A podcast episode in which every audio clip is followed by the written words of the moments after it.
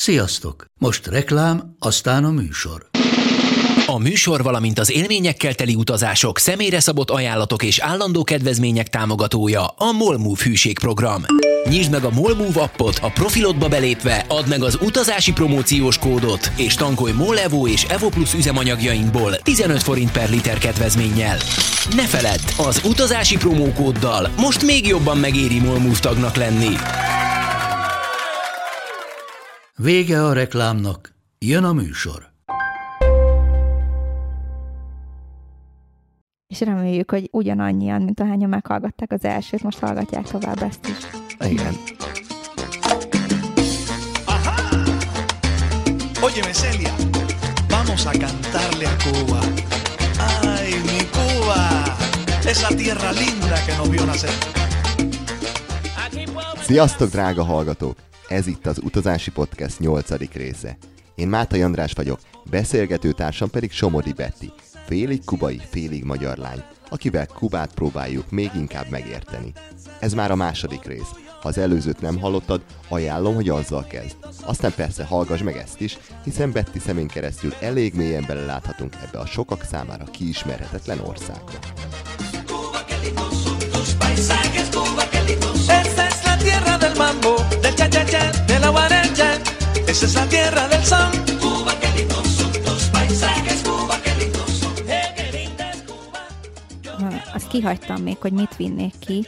Egy nagyon fontos dolog, és ezt egyre jobban érzem minden egyes alkalommal, amikor megyek, hogy nincsenek tisztában a környezet szennyezésnek a hatásaival, illetve azzal, hogy milyen klímaváltozás megy keresztül a bolygónkon, és ez is ugye az, az, az oktatásnak a hibája, de hogy bármit megisznak, egy, egy dobozos kólát eldobják, tengerbe is beleszemetelnek, szörnyű a szemételszállítás is, de hogy nem tudják egyszerűen, hogy miért kellene környezettudatosabbnak lenni, és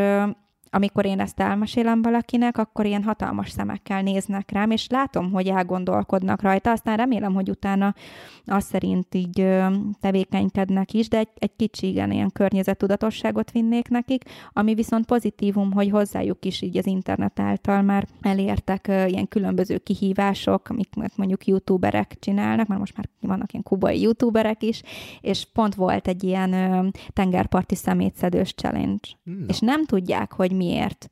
De tudják, hogy ez menő, mert van a hashtag ocean cleaning, és akkor csinálják. De Nem pont tudják, hogy miért, nem csak- tudják, csak- fogalmuk sincs. A keresztfiam ő 20 éves, és pont amikor kim voltam most márciusban, akkor meséltem neki, hogy ö, miért fontos az, hogy ne szemeteljünk, meg ültünk a tengerparton, és akkor én gyűjtöttem így a cigi csikkeket körülöttünk, mert ö, rengeteg volt, és akkor mondta, ja igen, valami rémlik, hogy volt egy ilyen challenge, hogy tisztítsuk az, tisztítsuk az óceánt, ez ezért van? Na igen, nem azért, mert hogy akkor a poén, hanem azért, mert vannak helyek, ahol sajnos erre szükség van, mert az emberek eldobják. És akkor így látom, hogy nagyon elgondolkodott, hogy úristen, most akkor baj van. De, de ugyanúgy, amúgy dohányzott, és eldobta utána a cigicsikket. Uh-huh. Híres arról Kuba, hogy a közbiztonság az makulátlan. Igen. Szinte, vagy tényleg?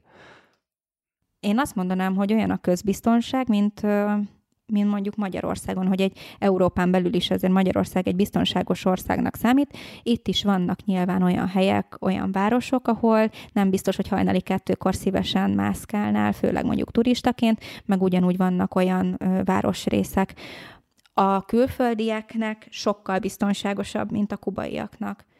A külföldieket pontosan azért, mert hogy tudják, hogy milyen az igazságszolgáltatás, és hogy hány év börtönnel sújtanak, hogyha egy külföldit rabolnak ki, vagy esetleg egy komolyabb atrocitás érne egy külföldit, ezért ők, ők még inkább védettek. Ilyen piti bűnözés, az van sok. Zse- zsebesek inkább mondjuk. Hát de nem is a klasszikus értelembe vett zsebes. Ott ilyen teljesen abszurd dolgok vannak. Ugye mondtam, hogy nagyon szeretik az aranyékszereket, és hát jó áron is le lehet ezeket adni. Ezért mondjuk este nem ajánlatos aranyjal mászkálni, még hogyha csak egy kis vékony arany uh láncod van, azt is érdemes levenni, mert azon kívül, hogy mondjuk így letéphetik rólad, például ilyen módszerekhez folyamodnak, hogy tudják, hogy mondjuk, ha valaki biciklivel jön, annak a nyakmagasság az hol van, és akkor ilyen, lát, ugye ez az átlátszó damilt kifeszítenek. De ezek ilyen kis fiatal, hát nem zsebes, hanem ilyen Suhancok. bűnözők. Aha, és kifeszítik mondjuk a, a zsinort, a damilt a két fa közé, és akkor az a nyakon vág, és akkor leszedik rólad. Mármint, hogy le is esel a bicikliről, Ja, úgy persze. vagy? Tehát Tehát leesel, leesel a leesel, földre, és le- akkor elveszik tőle. Igen. Ö, meg hát inkább ezek az ilyen helyiek egymás között konfliktus, például mondjuk a buli helyen, szórakozó Mhm. helyen, ott azért sokszor szokott berekedés lenni, és akkor rohanás van kifele, mert éppen hallott, hogy valakit fejbe vágtak egy üveggel. Egy... Én- nekem már kellett így kiszaladnom diszkóból, Nyilván mindennek megvan a helye. Az ötcsillagos szálloda aljában lévő diszkóba ez nem fog előfordulni, de ott nem is olyan jó a buli. És ez is a zenével összefügg. Nyilván vannak olyan dalszövegek, amik ezt provokálják, vannak olyan ritmusok, amik ezt provokálják, ugyanilyen a karnevál is. Engem soha nem engedtek karneválra, mert oda általában nagyon sok, hogy is mondjam, ez ilyen balhés ember megy, Olyan, mint mondjuk Késsel. egy ilyen falusi bál. Hát egy durva falusi bál, Mhm. mert visznek oda bicskát, Jó, kést. Uh-huh. macsétét, igen, És használják is. és használják is, Mhm. hogyha úgy van. És van, aki direkt, mint ahogy itthon is, ugye van, aki azért megy le egy szórakozó helyre, hogy berekedni, balhézni, provokálni, ott is, csak ott nem mindegy, hogy mondjuk egy karneválon 200 ezer ember van, és azok hajnali négykor már megittak másfél üveg rumot, akkor ott el tudnak szabadulni az indulatok, és ugyanez a, a zene is, hogy vannak olyan előadók, akiknek ö, szoktak lenni ilyen hatalmas koncertjei, a Plaza de la Revolución, ez a forradalmi Mhm. tér, vagy pedig a, a tengerparti sétányon van egy ilyen hatalmas, vicces a neve, hogy anti-imperialista színpad, az a neve. és van egy híres kubai, a leghíresebb kubai szalsza együttes Los Van Van, és nekik, nekem ők a kedvenceim, imádom őket, de olyanok a dalszövegei, hogy egy ilyen alkoholmámoros, túlfűtött buliba igenis provokatív tud lenni, so, szólhatnak ugye arról is, hogy rámész a szomszéd nőjére, vagy szólhat ilyen kakaskodásról férfiak között, és plusz egy olyan fajta szalsza ritmusa van ezt, aki, aki nem tud táncolni, meg nem érti ezt a zenét, az nem biztos, hogy ezt most így érti, amit mondok, de hogy egy ilyen konfliktust könnyebben elő tud idézni az ő szalsza zenéjük, mint mondjuk egy Mark Anthony féle uh-huh. szalsza. Uh-huh. És engem soha nem engedtek például az ilyen bulikba, vagy ilyen koncertekre. Szórakozó helyre viszont mentem olyan koncertre, ahol ahol tényleg ilyen nagyon underground reggaeton és a legmocskosabb dalszövegek, mert nagyon szeretem az ilyen számokat, mert ezekre lehet tényleg a legjobban bulizni. Azt nyilván nem tudta a család, hogy akkor mondjuk 15-6-7 évesen én oda megyek, és ezeken a helyeken volt az, hogy szaladni kellett, mert mondjuk ott kitört egy kis balhé, vagy ilyesmi. Uh-huh.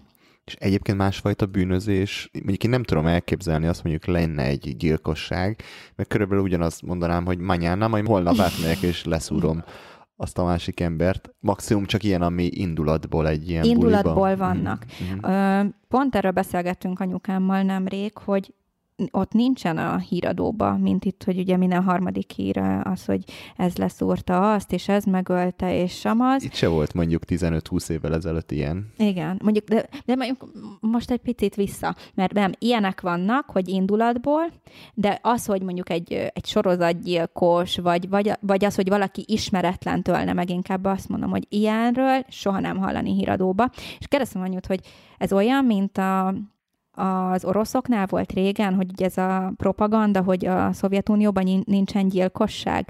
És akkor mondta, hogy ezt ő se tudja pontosan megmondani, mert az biztos, hogy ha van is, akkor is kevesebb, és nyilván olyan nincs, hogy nincs, egy-kettő biztos, de hogy ott ez nem egy tendencia. Igen, aha. Ezt, ezt totál el tudom képzelni, vagy ez a, ezt, a képet látom magam előtt, hogyha Igen. így látom az de embereket. ilyenek, hogy mondjuk féltékenységből, Mhm.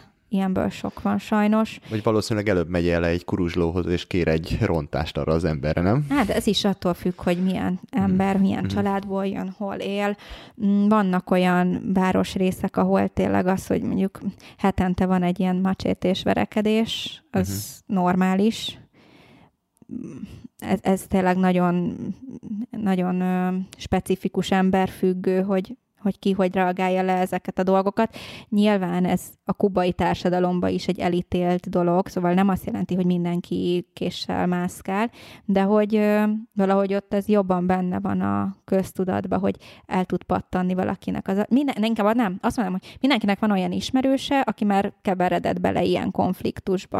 Hát ez meg tényleg, ha olyan a zene, meg lecsúszik pár üveg rum, akkor ez teljesen el, elképzelhető. Igen. Elmesélek egy sztorit, ami velünk történt megkint, és így a, hát nem is a közbiztonsághoz, inkább a karhatalomhoz kapcsolódik. Elmentünk a nem fogom tudni milyen nevű ö, az erődbe. Ha, va- ha La Cabaña del Morro. a, igen, igen, oda, a, abba az erődbe, és amikor be akartunk menni, hát elég durva belépő ár volt, és jött egy srác, aki ott dolgozott, és mondta, hogy be akartok menni, mondtuk, hogy igen, de hát túl drága, jó, akkor majd én, ő bevisz minket, és akkor neki fizetjük a töredékét, és akkor bevisz hátul. Tök jó fej volt, volt nálunk szivar, meg rum, ahogy menni kell így városnézni, Ö, mindenről mesélt, mindent megkérdezhettünk, és, és mondtuk, hogy akkor mit szólna, ha mi fizettünk mindent az egész este, vigyen el az ő kedvenc bárjába, mi álljuk az estét, csak mutassa meg az igazi havannát nekünk. Lejöttünk az erődből, felszálltunk egy helyi járat buszra, leszálltunk, körülbelül egy fél utcát se gyalogoltunk, ahol jött, mikor jött egy rendőrautó, a srácot falhoz állították, megbilincselték és elvitték Wow. és azt mondták, hogy azért, mert hogy a kubaiak, aki nem a turizmusban dolgozik, az nem is beszélhet a külföldiekkel, és hogy őt ezért tartóztatták le, és valaki útközben felnyomta. Azt el tudom képzelni, hogy valaki felnyomja, de valószínűleg ő neki ez nem az első ilyen esete volt, mert ez, ez így volt régen, hogy kubaiak nem érintkezhettek külföldiekkel, és szerintem egy, mikor volt ez, tíz évvel Ez ezelőtt? 10-11 éve, igen. Több, már mondjuk egy olyan 15-6-7 éve szerintem ez megváltozott. Régen a kubaiak nem mehettek be a szállodákba se, illetve voltak olyan boltok, ahol nem vásárolhattak, csak külföldiek. Ez, ez itthon ugye elképzelhetetlen ez. És ö, ez ugye nyilván azért, hogy a prostitúciót visszaszorítsák, szerintem egy ilyen már, már. Notórius bűnöző volt. Igen, mert sokan ugye ezzel visszaélnek, és belemennek egy ilyenbe, oké, okay, menjünk el a turistával együtt bulizni, jó, akkor hozom az unokatesómat, aki nem az unokatesója, nem az unokahuga, hanem a szomszéd prosti, vagy akár a párja, csak ezt így megbeszélték egymás között, hogy ez egy ilyen nyitott kapcsolat, pénzért bármit, és akkor ö, próbáljuk beszédíteni a hülye turistát, leitatjuk, a csaj elviszi a szobába, vagy a csaj kirámol mindent a zsebet, zsebből, vagy pedig a, a srác, meg mondjuk a, tesói, barátai visszajönnek páran, és akkor befenyítik a turistát. Egy ilyet el tudok képzelni, hogyha így lebilin, megbilincselték azonnal. De igen, ezt nem nézik jó szemmel, és nekem is volt ilyen, hogy az unokatesóimmal mentünk együtt a, a városban, az egyik fiú unokatesom, aki pár évvel idősebb nálam, meg egy velem egy idős lány unokatesom. És akkor a fiút azonnal igazoltatták, mert azt hitték, hogy a strici, és hogy visz minket a belvárosba, uh-huh. és azt hitték, hogy mi a kurvái vagyunk, és ez is egy egy akkora diszkrimináció, hogy ez, ez felfoghatatlan európai szemmel, hogy nincs is ott turista a környéken, hanem csak sétáltunk ott mi egy magunk, és már rögtön. Uh-huh. Uh-huh. De hogy ez egy valós dolog, hogy mondjuk akár egy pár sétál, és ha jönnek szembe velük turisták, akkor a saját párját ajánlja föl, úgyhogy ő, ő lehet, hogy ő nem is egy strici, meg nem is prosti, hanem csak éppen kihasználva az adott ö, helyzetet, azt mondja, hogy a, szeretné a barátnőjének megadni azt a lehetőséget, hogy mondjuk egy külföldi elvihesse őt mondjuk egy olyan étterembe, amit ő soha nem engedhet meg, hogy elvigye. Ezért azt mondja, hogy tetszik a barátnőm? Oké, okay, vidd el, szerez neki egy jó estét. Ez is családfüggő, uh-huh. meg ki mit hoz otthonról. Nagyon sok ilyen van. Nagyon-nagyon sok, de nagyon sok olyan is. Ö, olyan, aki nem... szándék van. Igen, Mhm. uh-huh. meg Hát ez, ez is teljesen hátsó szándék, csak hogy nagyon sokan ilyenben nem mennének bele. Azt mondom, hogy most már egyre többen, de még mindig azért vannak olyanok, akiknek van moráljuk, uh-huh. meg, meg tartásuk, de, de van ilyen sajnos, mint ahogy olyan is van, hogy ö, konkrétan már összejön a külföldivel a nő, elmegy vele, és ott marad a férj, és küldi haza a pénzt, a férnek már azóta van egy új kubai szeretője, a nő a külföldivel eltartatja a férnek az egész új családját, és ezek ilyen teljesen felfoghatatlan dolgok, ezt, uh-huh. ezt nem fogjuk soha megérteni. Uh-huh. Meg nem is lehet, mert ugye ők élnek benne, és, és nem lehet azt végse tudjuk gondolni, hogy ez, ez nekik mit jelent. Visszatérve erre a sztorira, hogy azt mondod, hogy felajánlotta a párját a srác, ebbe azért van egy nagy hátsó szándék, mert a kubaiaknak van egy ilyen mentalitása, hogy ők a legforróbb vérűek, náluk senki se jobb az ágyba, ö, na, nagyképűek amúgy a kubaiak mhm. eléggé. És bennük van az, hogyha egy kubai nő elmegy egy külföldivel, a kis naív külföldi egész este kábítani fogom, és belén fog szeretni egy este alatt, ezt garantálom. Ő így indul neki ennek az estének, és nagyon sokszor így van, nem hiába mm, van annyi külföldi kubai feleséggel, fiatalabb, kubai feleséggel, vagy pedig ha nem is a felesége, akkor szeretőt tart kint, és visszajár hozzá, mert egyszerűen más, más, mint mhm. amihez itt Európában van szokva, és az biztos, hogy a hosszú távra tervezett, amikor ő beajánlotta arra az estére, nem azért ajánlotta be, hogy te most elvidd vacsorázni, és akkor egy olyan fogást éhessen, amit ő eddig nem evett. Az is tök jó, örül neki, hogy megehette, de ő utána arra számít, hogy Aha. akkor teljesen behálóz. Na és ha már ezt felhoztad, hogy a kubaiak ezt gondolják magukról, így, hogy mondjuk félig magyar, félig kubai vagy, te mit gondolsz erről? Um, értem azt, hogy az európaiak miért vannak annyira oda a kubaiakért, viszont a kubaiba, mint mondtam, van egy ilyen hatalmas nagy képűség, és néha már már túlon túl nagy, Aha. és van egy ilyen mentalitás, hogy nem a a, az európait csak, hanem úgy mindenkit. Ö, nem is az, hogy lenéznek, de hogy mivel tudják magukról, hogy rafináltak, ezért úgy vannak vele, hogy mindenki naív, és hogy ők mindenkit hülyének tudnak nézni. És tudod, amikor már túl sokat képzelsz magadról, néha ez a, az a benyomásom, hogy értem, hogy szexibb a járása, értem, hogy olyan a mozgása, értem, hogy olyan a srácnak a dumája, értem, hogy miért vannak oda a külföldiek, de én közben látom a, a színfalak mögött a színfalak is, mögött. Uh-huh. meg azt, hogy ez csak sokszor ez a bla bla bla bla bla.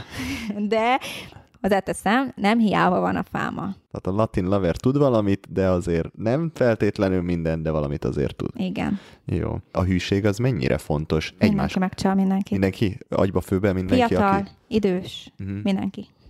Aha. Nagyon laza ilyen szempontból, de az például nagyon érdekes, hogy ők nem válnak el olyan magas arányban, vannak vállások nyilván ott is, de hogy, hogy ott inkább az, hogy igen, akkor... hogy imádja a feleségét. Nagyon szereti, élete szerelme, de nem tud egyszerűen úgy elmenni a szomszédasszony mellett, hogy ne látogassa meg egy kis kávéra, uh-huh. és ugyanez a nő is a munkahelyén is, mondjuk lehet, hogy van egy kollega, akivel úgy néha félrevonulnak az egyik irodába, és utána hazamegy, és imádja a férjét, és oda vannak egymásért meg vissza, uh-huh. csak így hajtja őket a vérük. Uh-huh. Ez a koketálás, ez mindenhol megy? Igen. Tehát ez az életük része? Ez teljesen. Hogy nem tudsz felszállni egy kubai a buszra, hogy közben ne flörtölne valakivel? Is, meg ezt sokszor összetévesztik a külföldiek, mert hogy mindenki milyen mor.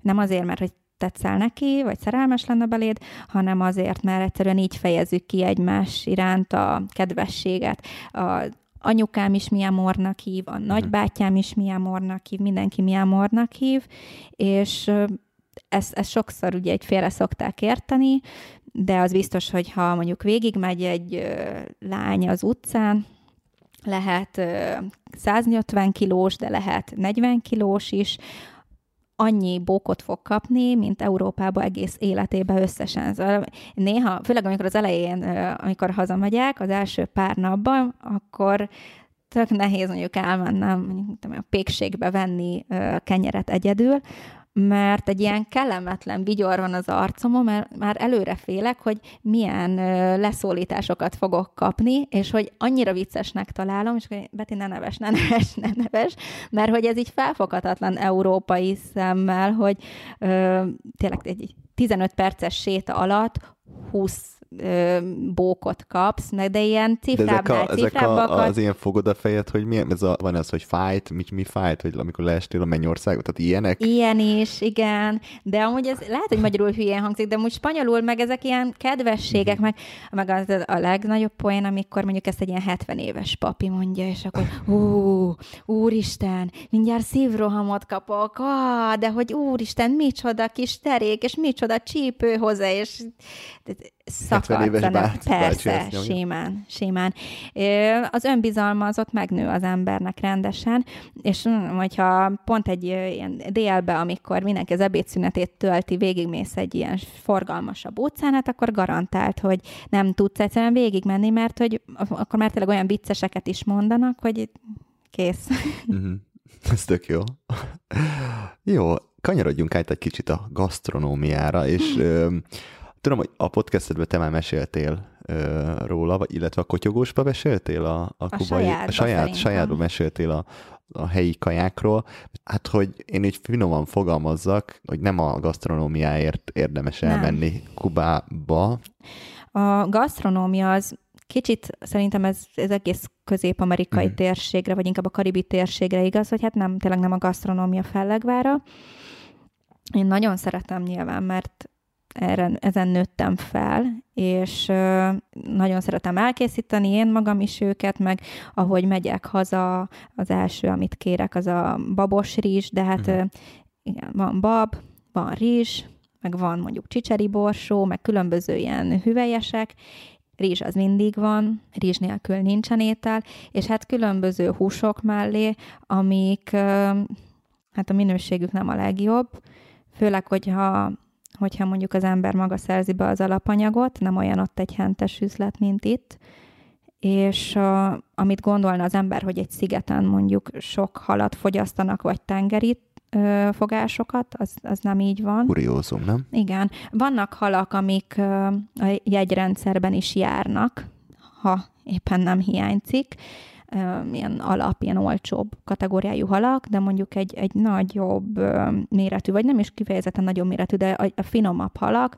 azok ott is nagyon drágák, ugyanolyan uh, drága, mint, mint bárhol máshol a világon, ahol nincsen tenger, és maguk a, a tengeri herkentyűk, hogy mondjuk ilyen rákok, kagylók, ilyesmi, ezeket nem fogyasztják.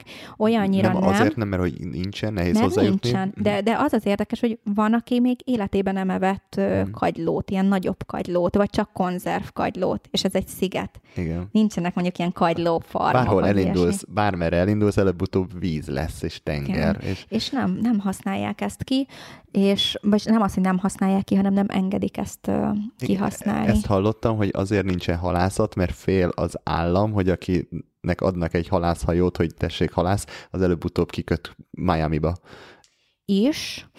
Eb- e- Ezzel kapcsolatban amúgy nem készültem fel, Mhm. olyan jól nem néztem utána a törvénynek, mert ezen folyamatosan változtatnak, hogy mennyit lehet halászni, ki halászhat, és mire halászhat. Ezeket állandóan változtatják. Uh-huh. Most jelen pillanatban nem tudom, mi a szabály, de az például egy érdekes dolog, hogy kubai állampolgár, három évvel ezelőtti állapotot tudok mondani, kubai állampolgár, aki hiába külföldön él, de ha már ott született Kubába, akkor te életed végeig amúgy kubai állampolgár, vagy bármit csinálsz, neked kubai, nem is csak egy állampolgár, hanem kubai útlevéllel kell bemenned. Lehet neked öt állampolgárságod is, csak kubaival mehetsz be, és ö, Varadéróban vannak ilyen katamarán túrák, és egy baráti társasággal mentünk, akik magyarok voltak, meg vegyesen volt spanyol is közötte, és ők, ők befizettek egy ilyen katamarántúrára, és mi is szerettünk volna a barátommal, de ő kint született Kubába, és hiába magyar állampolgár, mert ő is félig magyar, mondták, hogy ő nem szállhat fel a katamarára, amit ő nem bánt annyira, mert tengeri beteg, de ez egy talán 100 dollárba került, egy ilyen all-inclusive, ilyen egynapos kirándulás, hogy ott korlátlan kajapia, átvisznek egy kis szigetre, tudsz snorkelezni, szóval egy tök jó egész napos program, és nem és inkább elesnek 100 dollártól, mert attól félnek, hogy egy kubai az eltérítené azt a hajót. És persze, hogyha annyira erőltettük volna, akkor valószínűleg, hogyha ne azt mondom neki, hogy nem 100 dollárt adunk, hanem mondjuk 150-et, akkor biztos el tudja intézni, mert ott így működnek a dolgok, de ez is egy ilyen nagyon csúnya uh-huh. lépés az állam részéről, hogy nem engedi őket egyszerűen vízre Igen. lépni. Volt egy ilyen nagyon csúnya időszak. A Periodo Especialnak az elején nagyon sokan megindultak a nyílt ja, vízen. Meg végig, meg végig még most az egészen? Is. Még most, most is, is vannak, vannak ezek? Hát most már nagyon kevés, mert De megváltoztatták ezt a törvényt pár éve, hogy ja, ha Miami-nál te beleugrottál a vízbe, már hogyha leért a lábad, akkor ez a száraz lábtörvény, úgy aha. hívták, hogy akkor te már menekült vagy. És a kubai menekültek, más ellátásban részesülnek, más dolgokra jogosultak, mint más menekültek. Nyilván ez a Amerikában ez egy, egy fegyver a kubai ö, kormányjal szembe és nagyon sokan mentek el, úgyhogy mondjuk ilyen kamion gumiból mm-hmm. készítettek ilyen... Házi készítésük is igen. ladikokon, és nagyon sokan oda is vesztek. Rengetegen. Uh-huh. Erről nagyon sok film is uh-huh. van, meg hát egy ö, ilyen nagyon szomorú tény, hogy régen nem volt a Kuba északi részénél a tengerbe, nem igazán volt ö, cápa, vagy volt, de egy normál mennyiségű, és mivel annyian útnak indultak így, és annyi baleset ö, történt, ezért ö, nagyon elszaporodtak ott a cápák, mert hogy annyi kubai esett áldozatul. Uh-huh. Igen, ezt hallottam, de erről tényleg nagyon sok film is, dokumentumfilm, Igen. könyv, minden, minden készült. Még vissza, kanyarodjunk vissza akkor még a, a kajákra, meg az, ja, igen, az éttermekre, igen, szóval, hogy halászat nincsen, és, és lehet kapni, tehát et, ilyen kis rákokat ettünk, de hogy azok kuriózumok, meg... Hát meg nem is meg nem, olyan igen. finomak, nem is olyan jól készítik el. Sokszor van, hogy én, hogyha mondjuk valamilyen tengerit esetleg mégis valahogy sikerül beszerezni, akkor én mutatom meg a családomnak, hogy hogy kell elkészíteni, mert nem tudják, hogy egyáltalán mhm. az mi és hogy kell lenni.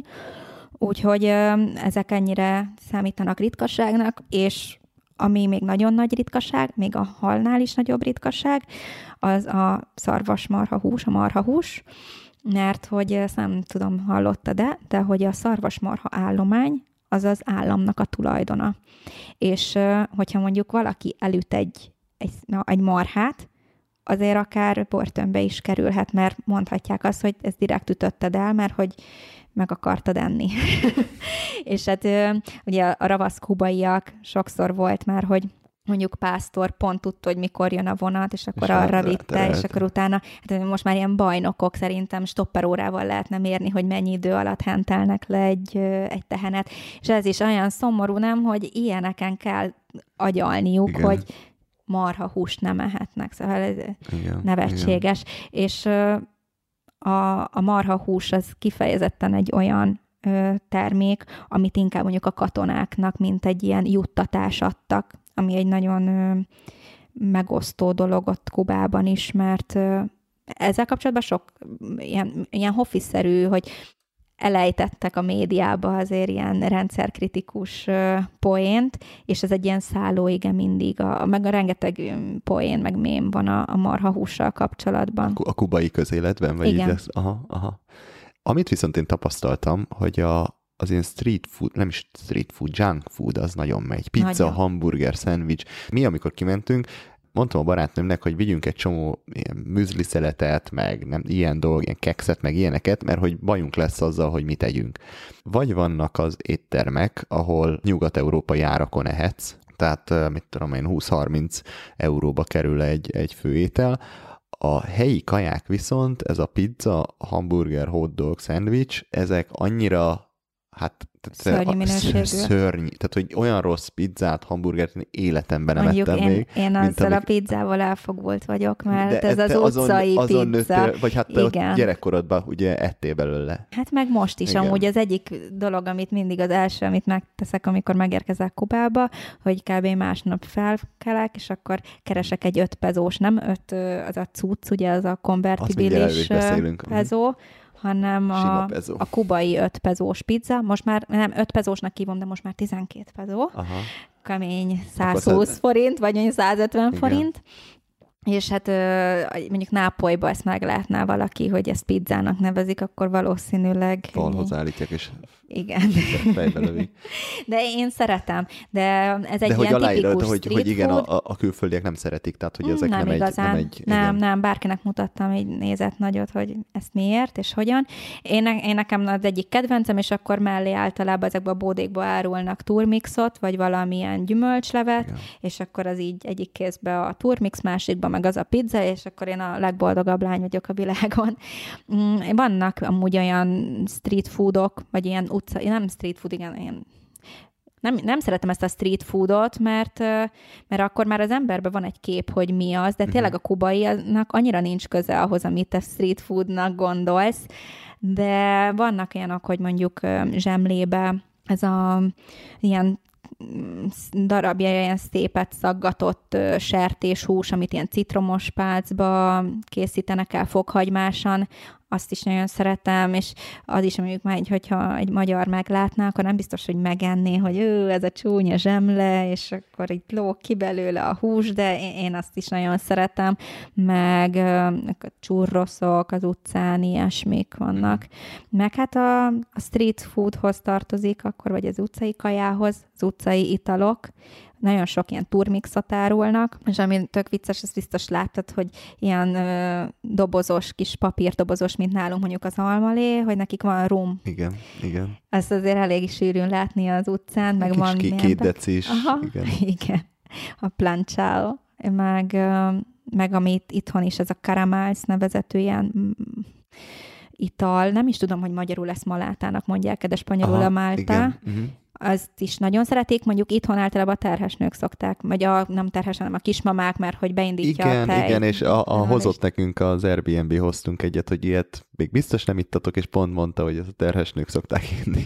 De a, a, ezt kint Kubában mondta? Igen. Mert ott ezt nem tudták. Én amikor meséltem, hogy a magyarok azok azért isszák, akkor ők így meglepődtek. De, és szerintem ezt föl is írtam a, a jegyzetfüzetembe. Ez, ahogy mondtad, egyből beugrott, és egyébként hmm. nem ugrott volna be, hogyha most te nem mondod ezt. Én állandóan veszem a spárba is lehet kapni, meg a benzinkúton is, és nekem mindig van otthon, és hát nagyon édes szájúak amúgy a kubaiak. Na, az összes süteményük nagyon-nagyon cukros, meg a, a turmix cucrosokat is agyon cukrozzák, Igen. meg úgy mindent, és hogy annyira szeretik a, az ilyen cukros dolgokat, hogy a, ebbe a máltába, vagy maláta, ebbe van, hogy fagyit tesznek, vagy van, hogy sűrített tejet, és uh, úgy összekeverik, vagy keverjük. Uh-huh. Olyan gej, hogy igen, nem lehet az, egybe meginni az, az egészet, az, az. de ennyire szeretik az édes dolgokat, uh-huh. meg hát a kubai kávé is, ami ugye egy ilyen meghatározó dologként megisznak napi fél liter kávét, de ezt a nagyon erős ugye eszpresszót, de azt is úgy főzik már, hogy már a kávéfőzőbe benne van a cukor, és egy ilyen nagyon-nagyon édes fajta kávé. Fagyit tök jó, hogy mondtad. Van egy sztorim, ezt mindig úgy mesélem el, hogy ezzel próbálom itt szemléltetni, hogy van a két különböző világ Kubában. Az egyik utcában találtunk két fagyizót egymás mellett szerintem 40 méterre. Az első volt tipikus szocialista fagyi, ez a hatalmas berendezés, tekerős fagyi, egyetlen egy íz. Mennyibe került? Azt hiszem, egy, az lehet, hogy egy pezóba lehet, került. Egy Tehát pezó, ilyen, ha? Mennyi az? Az egy pezó, az 24, az a 34 forint, csak így fejben hirtelen. Tehát, hogy ilyen mondjuk 20-30 forint egy gomb, nem is uh-huh. gombóc, hanem egy ilyen mhm. tekerésnyi fagyi íztelen, szörnyű, így megkóstolva azt mondod, hogy szocialista íze van. Szétolvad, és víz az egész. Én nem is, én nem ettem, csak, csak Kinga evett belőle, és mellette 30 méterre volt az olasz fagyizó.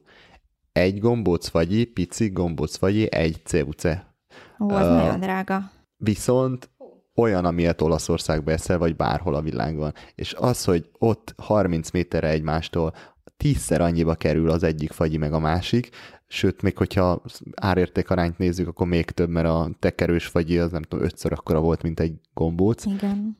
Mind a kettőt lehet kapni, az egyik az egy nagyon jó minőségű, drága, a másik egy nagyon rossz minőségű, olcsó, és hogy ez így leképezi úgy az egész Kubát, ahogy én tapasztaltam. Minden, minden, minden. És hogy mondjuk az egy dollár egy gombóc, az extrém. Olyat én még nem láttam szerencsére.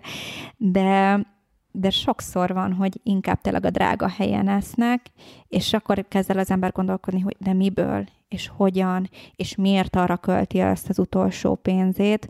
De ugyanoda jutunk vissza, amikről az elején beszéltünk, és ugyanez a, a, a szórakozó helyek is, hogy európai árak vannak, mondjuk belépő árak. Bent nyilván olcsóbb egy koktél, mint, mint mondjuk itthon, de ott is helyfüggő, meg azért ott is el lehet költeni pénzt, és most már ugye a szállodák is megnyíltak jó pár éve a kubaiak előtt, és tele van kubaiakkal, uh-huh. és drágábbnál drágább szállodák nyílnak. Varadéróban, Olginba, ezeken az ilyen tipikus északi parton lévő ilyen tengerparti városokban, meg az ilyen kis miniszigeteken, és ott is rengeteg kubai van, és nem értem sokszor, hogy már magyar pénztárcával mérten is Igen. nagyon drága. És mi ezt nem értettük, ugyan ez volt a nagy kérdés, hogy hogy lehet, hogy közben a kubaiak, bementünk egy étterembe, európai árak, és tele volt kubaiakkal, jól öltözve, fux, minden, amit ugye beszéltünk, menő napszemüveg, baseball satyek, és hogy hogyan, és hogy ezt hogyan csinálja. Ezt mondjuk a havannaiakra szokták mondani, hogy a havannai, az megint ezt a szót, ezt a spekulánst használom, mm-hmm. hogy én nagyon szereti ö, mutatni kifele a dolgokat. Nem tudok erre jobb szót, lehet, hogy neked és eszedbe jutott, csak én az eszpekuládorból mondom. Nem, nem fog. Akkor maradjunk, hogy így spekulálgatnak. Meg felvágós. Felvágós, mert hogy kifele akarja csak mutatni, és az ékes példája. Ott ül, mondjuk ilyen kamu, Gucci, ezt biztos láttátok tavaly, mert most Igen. tavaly a Gucci volt a menő. Minden ilyen kamu, a Gucci volt. A azon hatalmas nagy, lónagy betűkkel, Betűk, vagy a logóval ez a, színek. ez a Ralph Lauren. Igen, de már a legnagyobb az, akkor, hogy, akkor, mint egy igazi lóg. Igen, meg a fél pólót eltakar, egy akkora logó van rajta. Igen. Mindenhova a legnagyobb betűkkel legyen ráírva, hogy milyen márka. Igen, és ilyen ö, olyan színek, amiket ezek a divatházak soha nem használtak, Igen. ugye ez a rikító zöld, rikító kék, rikító narancssárga, és ezekbe a ruhákba arany ékszerek, de most megint napszemüveg, aranyfogak is, de Igen. most tényleg ez, hogyha így hallgatjátok, akkor ne arra gondoljatok, hogy minden egyes kuba így néz ki, mert nyilván nem mindenki van állik fuxba, de mégis, egy, ha mész az utcán, sok ilyet látni, és mondjuk költik a pénzt ezeken a szórakozó helyeken, buliznak, vagy éppen a családot viszik el egy drága étterembe ebédelni, vacsorázni, és utána hazaér, és ráomlik a ház konkrétan. És ezt a havannaiakra szokták nagyon mondani, hogy ők ezek a nagyon felvágósak, hogy nem a házát rakja először rendbe, hanem ö, kifele mutatja. Uh-huh. És például ö, ahol a, a, a barátom lakik, ahonnan ő, nem ő ott lakik a, a családja, az Varadero mellett egy kis város, kis falu. Egybe van már nőve szinte Varadéróval. Santa, Mar- Santa Marta? Pont. Na, Santa Marta. Mi ott, szálltatok ott, meg? Ott szállt, mi nem akartunk Varadéróba. Hát, hogy náluk, mert van amúgy egy ilyen kiadó, ilyen panziójuk. Kicsi a világ. Na, ugye tudjuk, akkor Santa Marta. Santa Igen. Marta, vagy látod, egybe van nőve ugye Varadéróval szinte és nyilván nem lehet összehasonlítani, mert hogy a nagy része Mártáiaknak a turizmusból él, ö, jobbak a lehetőségeik ilyen szempontból, viszont én amikor először voltam ott, akkor így sokkot kaptam, hogy Náluk is nagyon szép a ház, bemegyünk a szomszédhoz, a szomszéd háza is milyen szép, és ennek a havernak is, meg annak is, és szerintem szebbnél szebb házak, de néhány olyan gyönyörű volt belülről, hogy itthon nincsen ilyen ház. Kívülről nem mondanád meg, de bemész, és így wow. És kérdeztem, hogy ez hogy lehetséges? Hát én Havanában az ellenkezőjéhez vagyok szólva, hogy omladozik minden kívül belül, és akkor mondta, hogy hát igen, ez a különbség a, a havannaiak meg az itteniek között, hogy itt igen, több a lehetőség, de az első, amit helyre raknak, az a ház. Havannában az első, amit helyre raknak, az a gardrób, hogy feltöltik ruhával. És ez, ez így igaz amúgy. Uh-huh. Csak én ugye nyilván a kis havannai buborékomba éltem. Még említetted a, a házakat, és ö, én Havannában még azt vettem észre, hogy gyönyörű házak vannak. Tényleg? Abban vár, ahol a magyar ö, követség is van. Igen, az a Vedádó környék, az a legszebb Gyönyör, rész. Gyönyörű házak vannak, viszont ott is minden második düledezett, és olyan volt, hogy jön egy fuvallat, és összedől. És hogy Most ez... már jönnek ezek, bocsánat, ezek uh-huh. a mhm. fuvallatok. Most már nagyon sok ilyen hír van, hogy összeomlanak házak, és nem is csak mondjuk egy hurrikánba, hanem olyan állapotban vannak, hogy maguktól dőlnek össze, és sok halálos áldozat is volt uh-huh. már. És hogyha sikerül ezeket felújítani, azt akkor milyen pénzből, vagy ez kifinanszírozza? Kül- külföldi? Külföldi, és... és sokszor ugye üzleti céllal azért, hogy uh-huh. befektetés, vagy kiadja, meg mondjuk azon a részen, ahol ti voltatok, az olyan, mint itthon mondjuk a Palota negyed. Igen.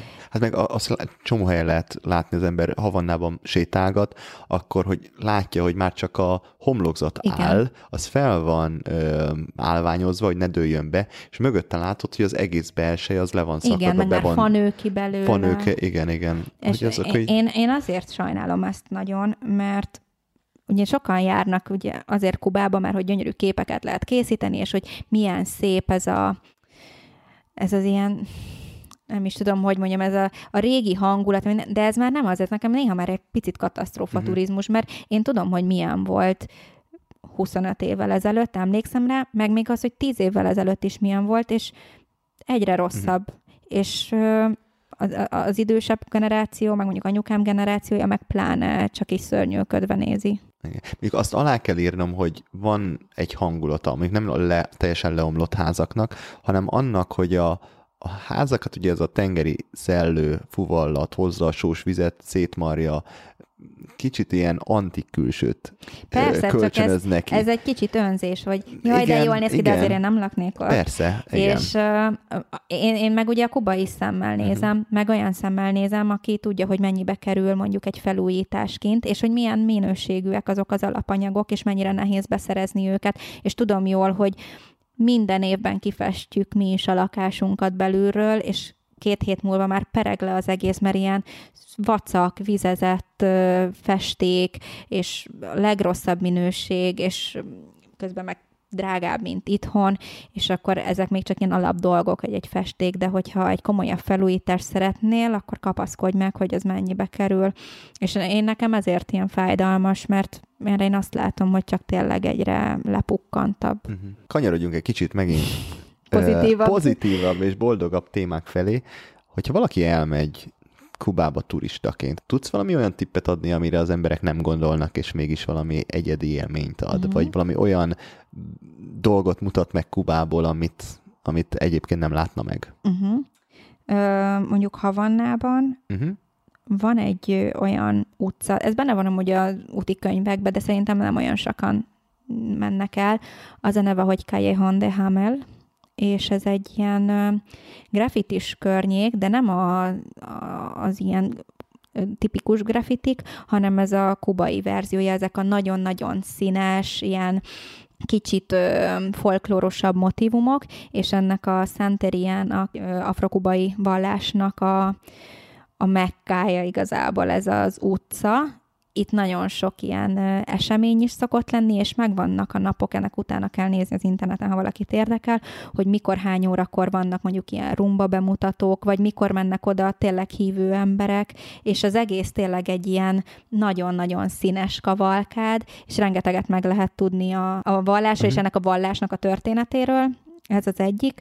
A másik pedig egy nagyon felkapott hely, ami most már így több éve benne van a világ legjobb romkocsmái listájába.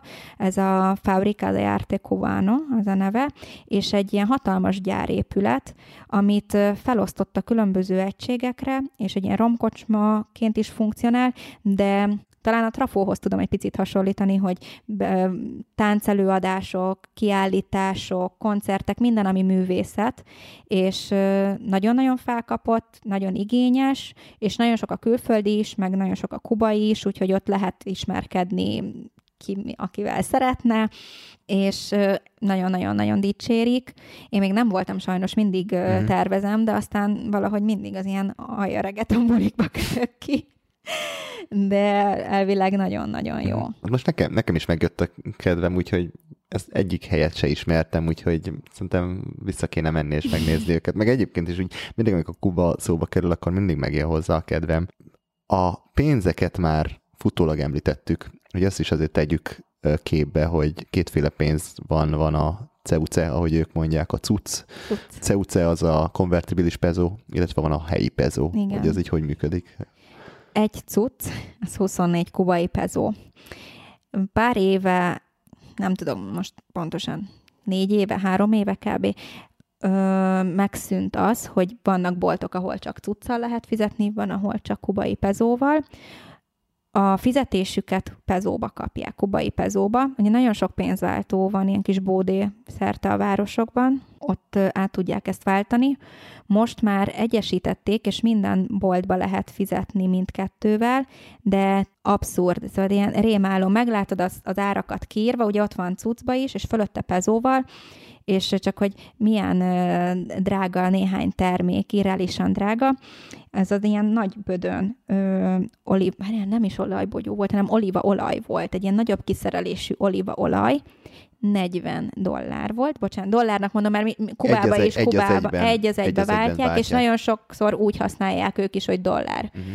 É, 40-be került, 12 ezer forint, és ott van 25-tel felszorozva az ára pezóba, ami Mennyi az? 40 25? Az pontosan 100. Vagy nem, 1000, bocsánat, 1000. 1000, 1000 pezó, és mondjuk egy átlag fizetés az 600 pezó.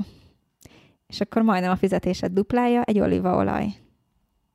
És így eldobod az agyadat. Uh-huh és akkor így gyökeret ver a lábam a boltba, és akkor kérdezi a családom, akiknek ez ugye már egy mindennapos megszokott dolog, hogy mi a baj, és arra ugyatok, de nem tudok elmenni emellett, mert ezt fel kell, hogy fogja, meg kell, hogy emészteni, és ja, ne is próbáld, ezt nem fogod megemészteni soha.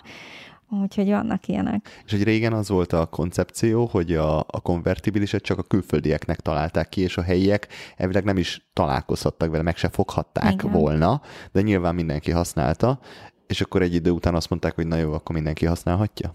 Ez pontosan így volt, és uh, amúgy ez folyamatosan téma, hogy uh, legyen egy ilyen uh, monetáris unifikáció, ilyen uh-huh. egyesítés, hogy egy pénz nem legyen, de hát ez minden évben be lebegtetik, és aztán nincs belőle soha ez, mint az euró Magyarországon.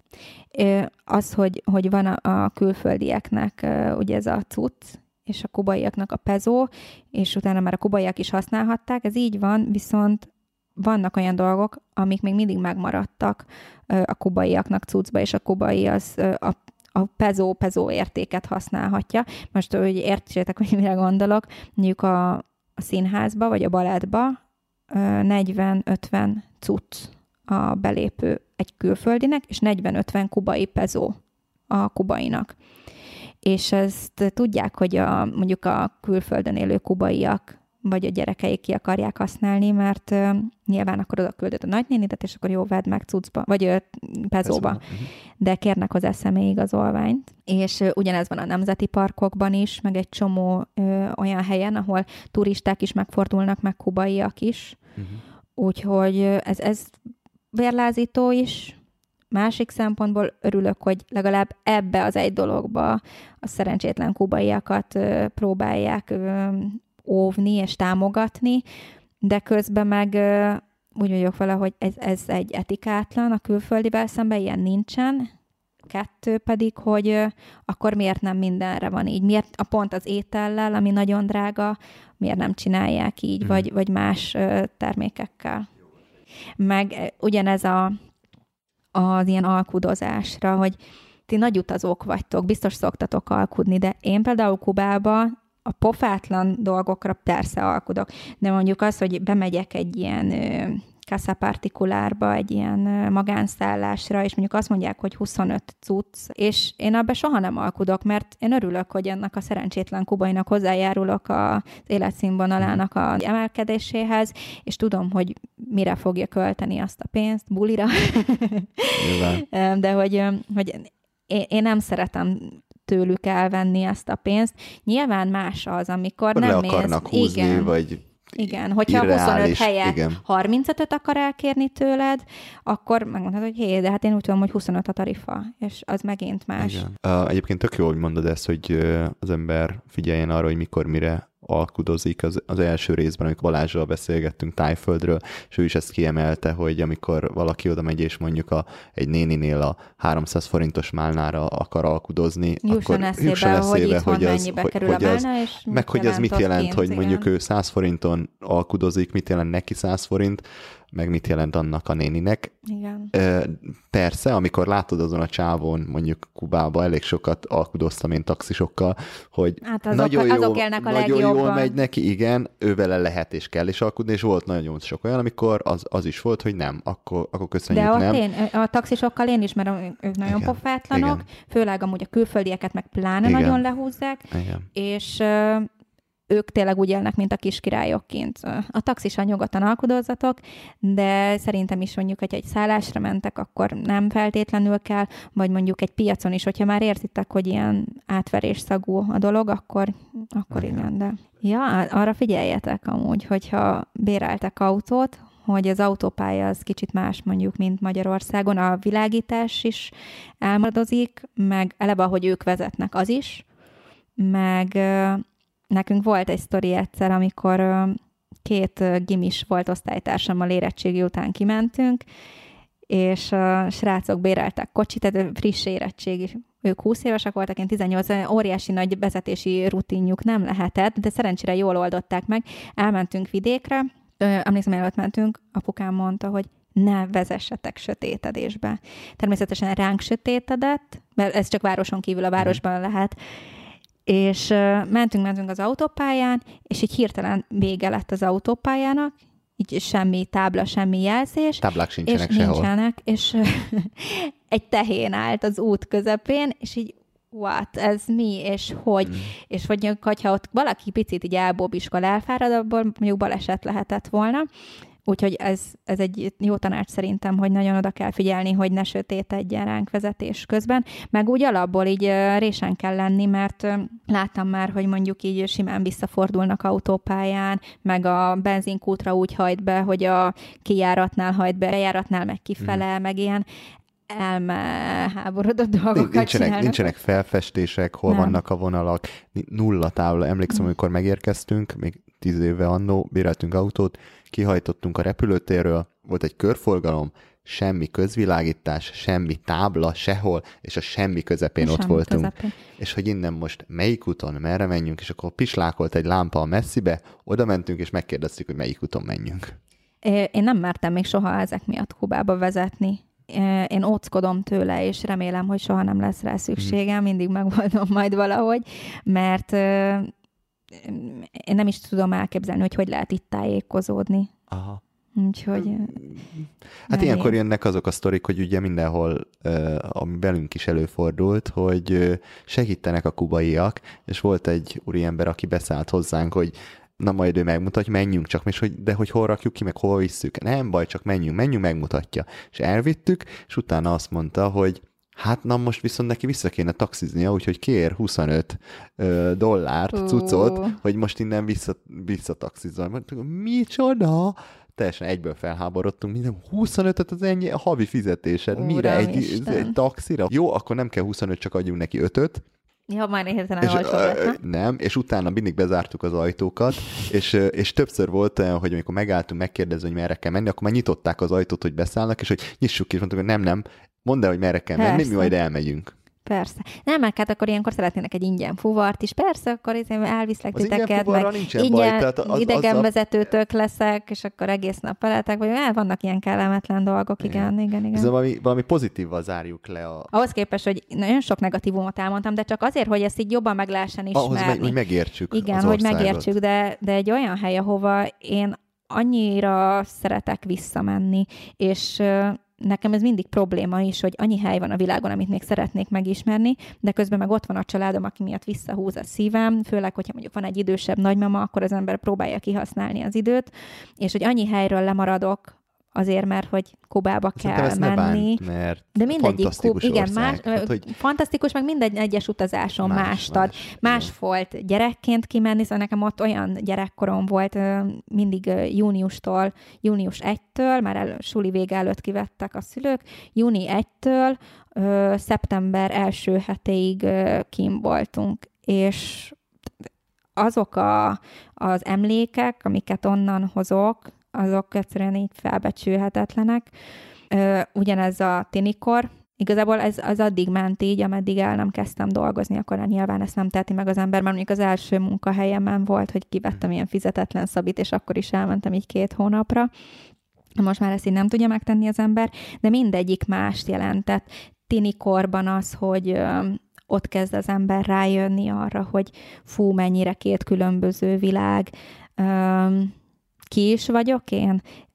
Volt egy időszak, amikor ugye oda akartam költözni Nyilván ebben benne vannak ilyen tinikori szerelmek is, meg, meg hogy ilyenkor az ember lázadó. De hogy, hogy akkor egy ilyen hatalmas, ilyen kubai nemzeti önérzetem így előjött, aztán később az, hogy látom a sok negatívumot, látom a sok pozitívumot is, és mindig visszahúz a szívem, de egy ilyen racionális módon. Uh-huh. Hogy nem, nem úgy már, hogy visszaköltöznék. Persze mindig kaptak az ember, hogy mit lehetnek én bizniszelni, amit beszéltünk, de, de tudom, hogy ez most két hét lesz, vagy három hét, amire megyek, és próbálom azt kielvezni, és akkor majd jövök jövőre, vagy két év múlva, de mindegyik mást jelent.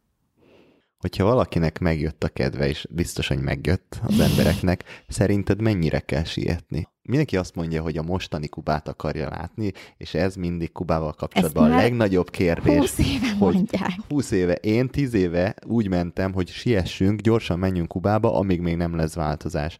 10 év alatt változtak dolgok, nagyon sok minden változott, de nagyon sok minden nem változott. De Kubával ez a legnagyobb kérdés. Szerinted?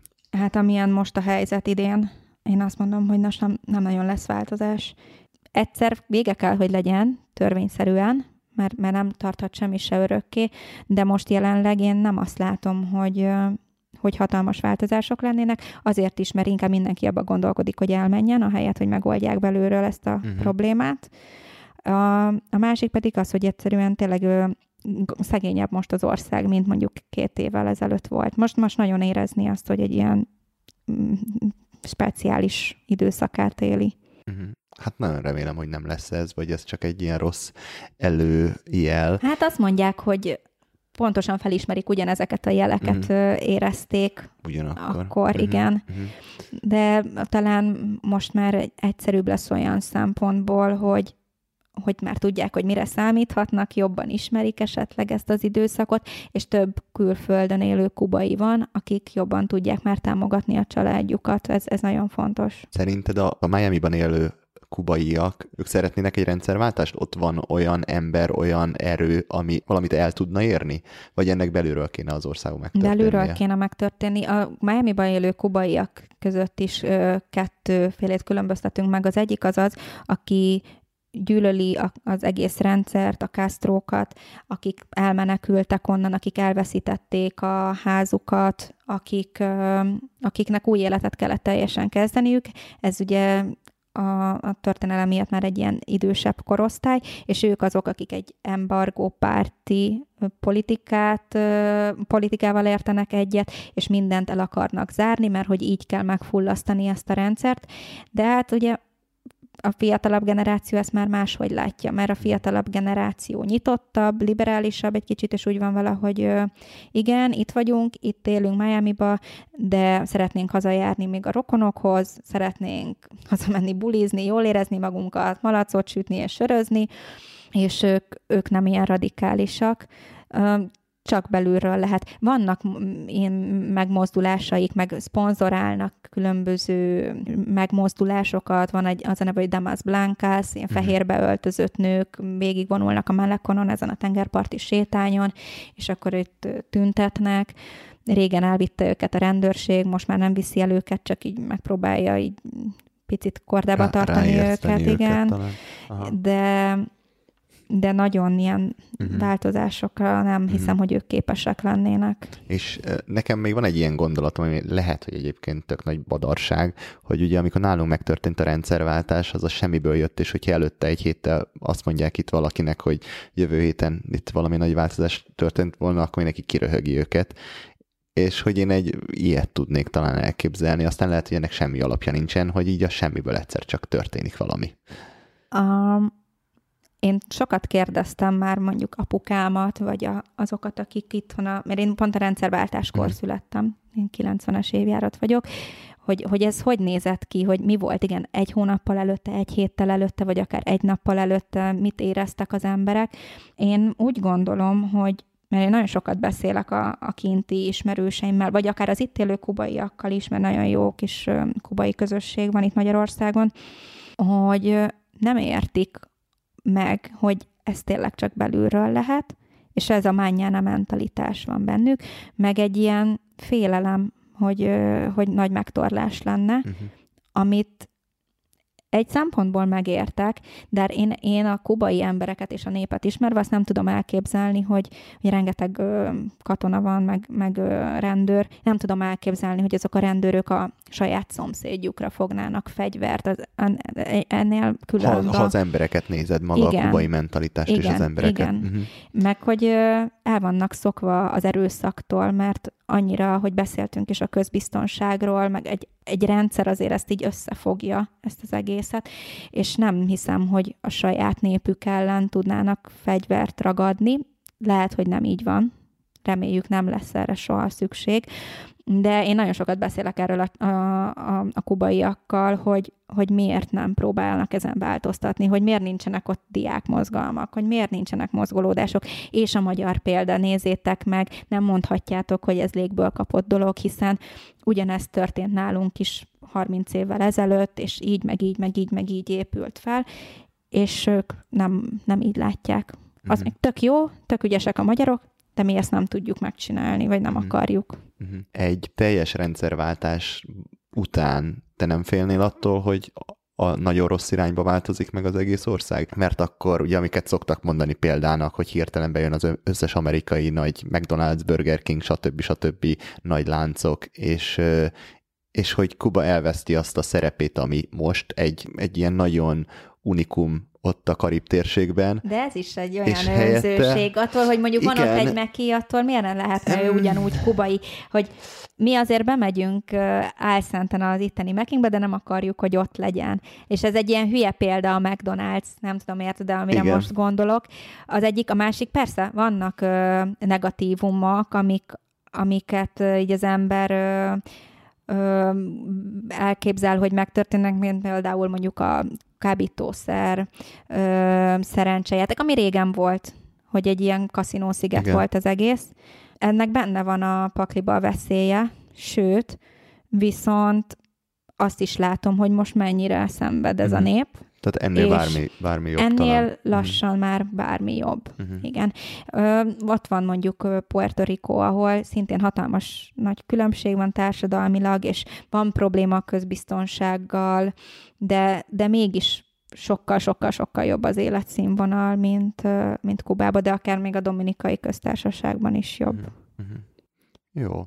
Hát szerintem engedjük el a hallgatókat így három, három órát, tíz perc után. Én még tudnám folytatni egyébként. Három órát beszéltünk. Én még... Az igen, úristen. Azért az Airbnb hoztunk mondta ezt a Disfruta Cuba, pero no trates de entender. Na, ez egy jó zárszó, mert próbáljuk itt megfejteni a dolgokat, de van, amire tényleg ők se tudják a választ, van, amit sejtünk, de nem lehetünk benne biztosak, hogy miért úgy van, ahogy, de az biztos, hogy, ja igen, itt is spanyolul olvastad fel, de a, a többiek nem tudják, hogy mit jelent, hogy disfruta Cuba, élvez Kubát, pero no trates de entender, de ne próbáld megérteni, és egy picit fölvenni a helyieknek a mannyana mentalitását. Ez szerintem egy tök jó útra való, meg emellett pedig egy, egy olyan, mint természetileg is szerintem nagyon szép, meg mint történelmileg is, mert szóval érdekes is, szóval nem, nem csak egy szép tengerpart és egy romos város, ennél sokkal több Kuba, úgyhogy ezt kielvezni egy-két-három hétbe, vagy hogyha esetleg tovább megy valaki,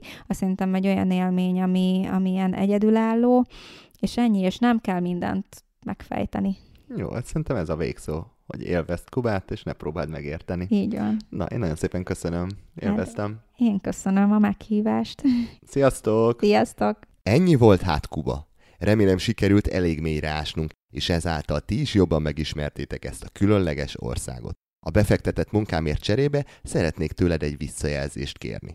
Ezt megteheted az Apple Podcast-en, a csatorna aljára legörgetve, vagy Facebookon az Utazási Podcast Facebook oldalán. Ne feledd, a műsor neked készül. Ha még nem tetted volna, nyomj egy feliratkozás gombot kedvenc podcast lejátszódban most.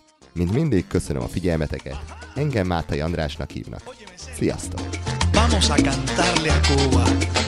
Ay, mi Cuba, esa tierra linda que nos vio nacer. Aquí puedo meter la soga. ¡Claro que sí!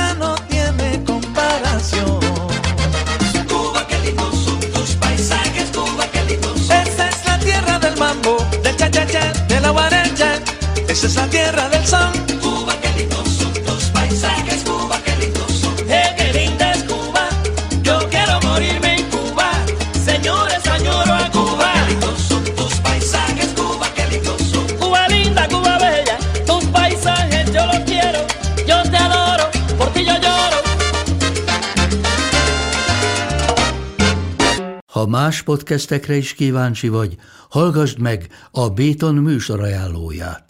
El tudod képzelni, hogy a podcastet, amit éppen most hallgattál, fél év múlva már a mesterséges intelligencia generálja? Mi sem. De ha érdekel, eljött már a gépek lázadása. Hallgass bele az Embertelen podcastbe. Orsós Lajos vagyok, a műsor házigazdája. Egyelőre még élőben. Egyelőre. Fedezzük fel együtt, hogyan ismerkedik, randizik, mesél és vitatkozik Betty és Péter, két teljesen mesterséges intelligencia. Lajos, a podcast címét mond még egyszer, Léci. Oké. Okay. Embertelen podcast.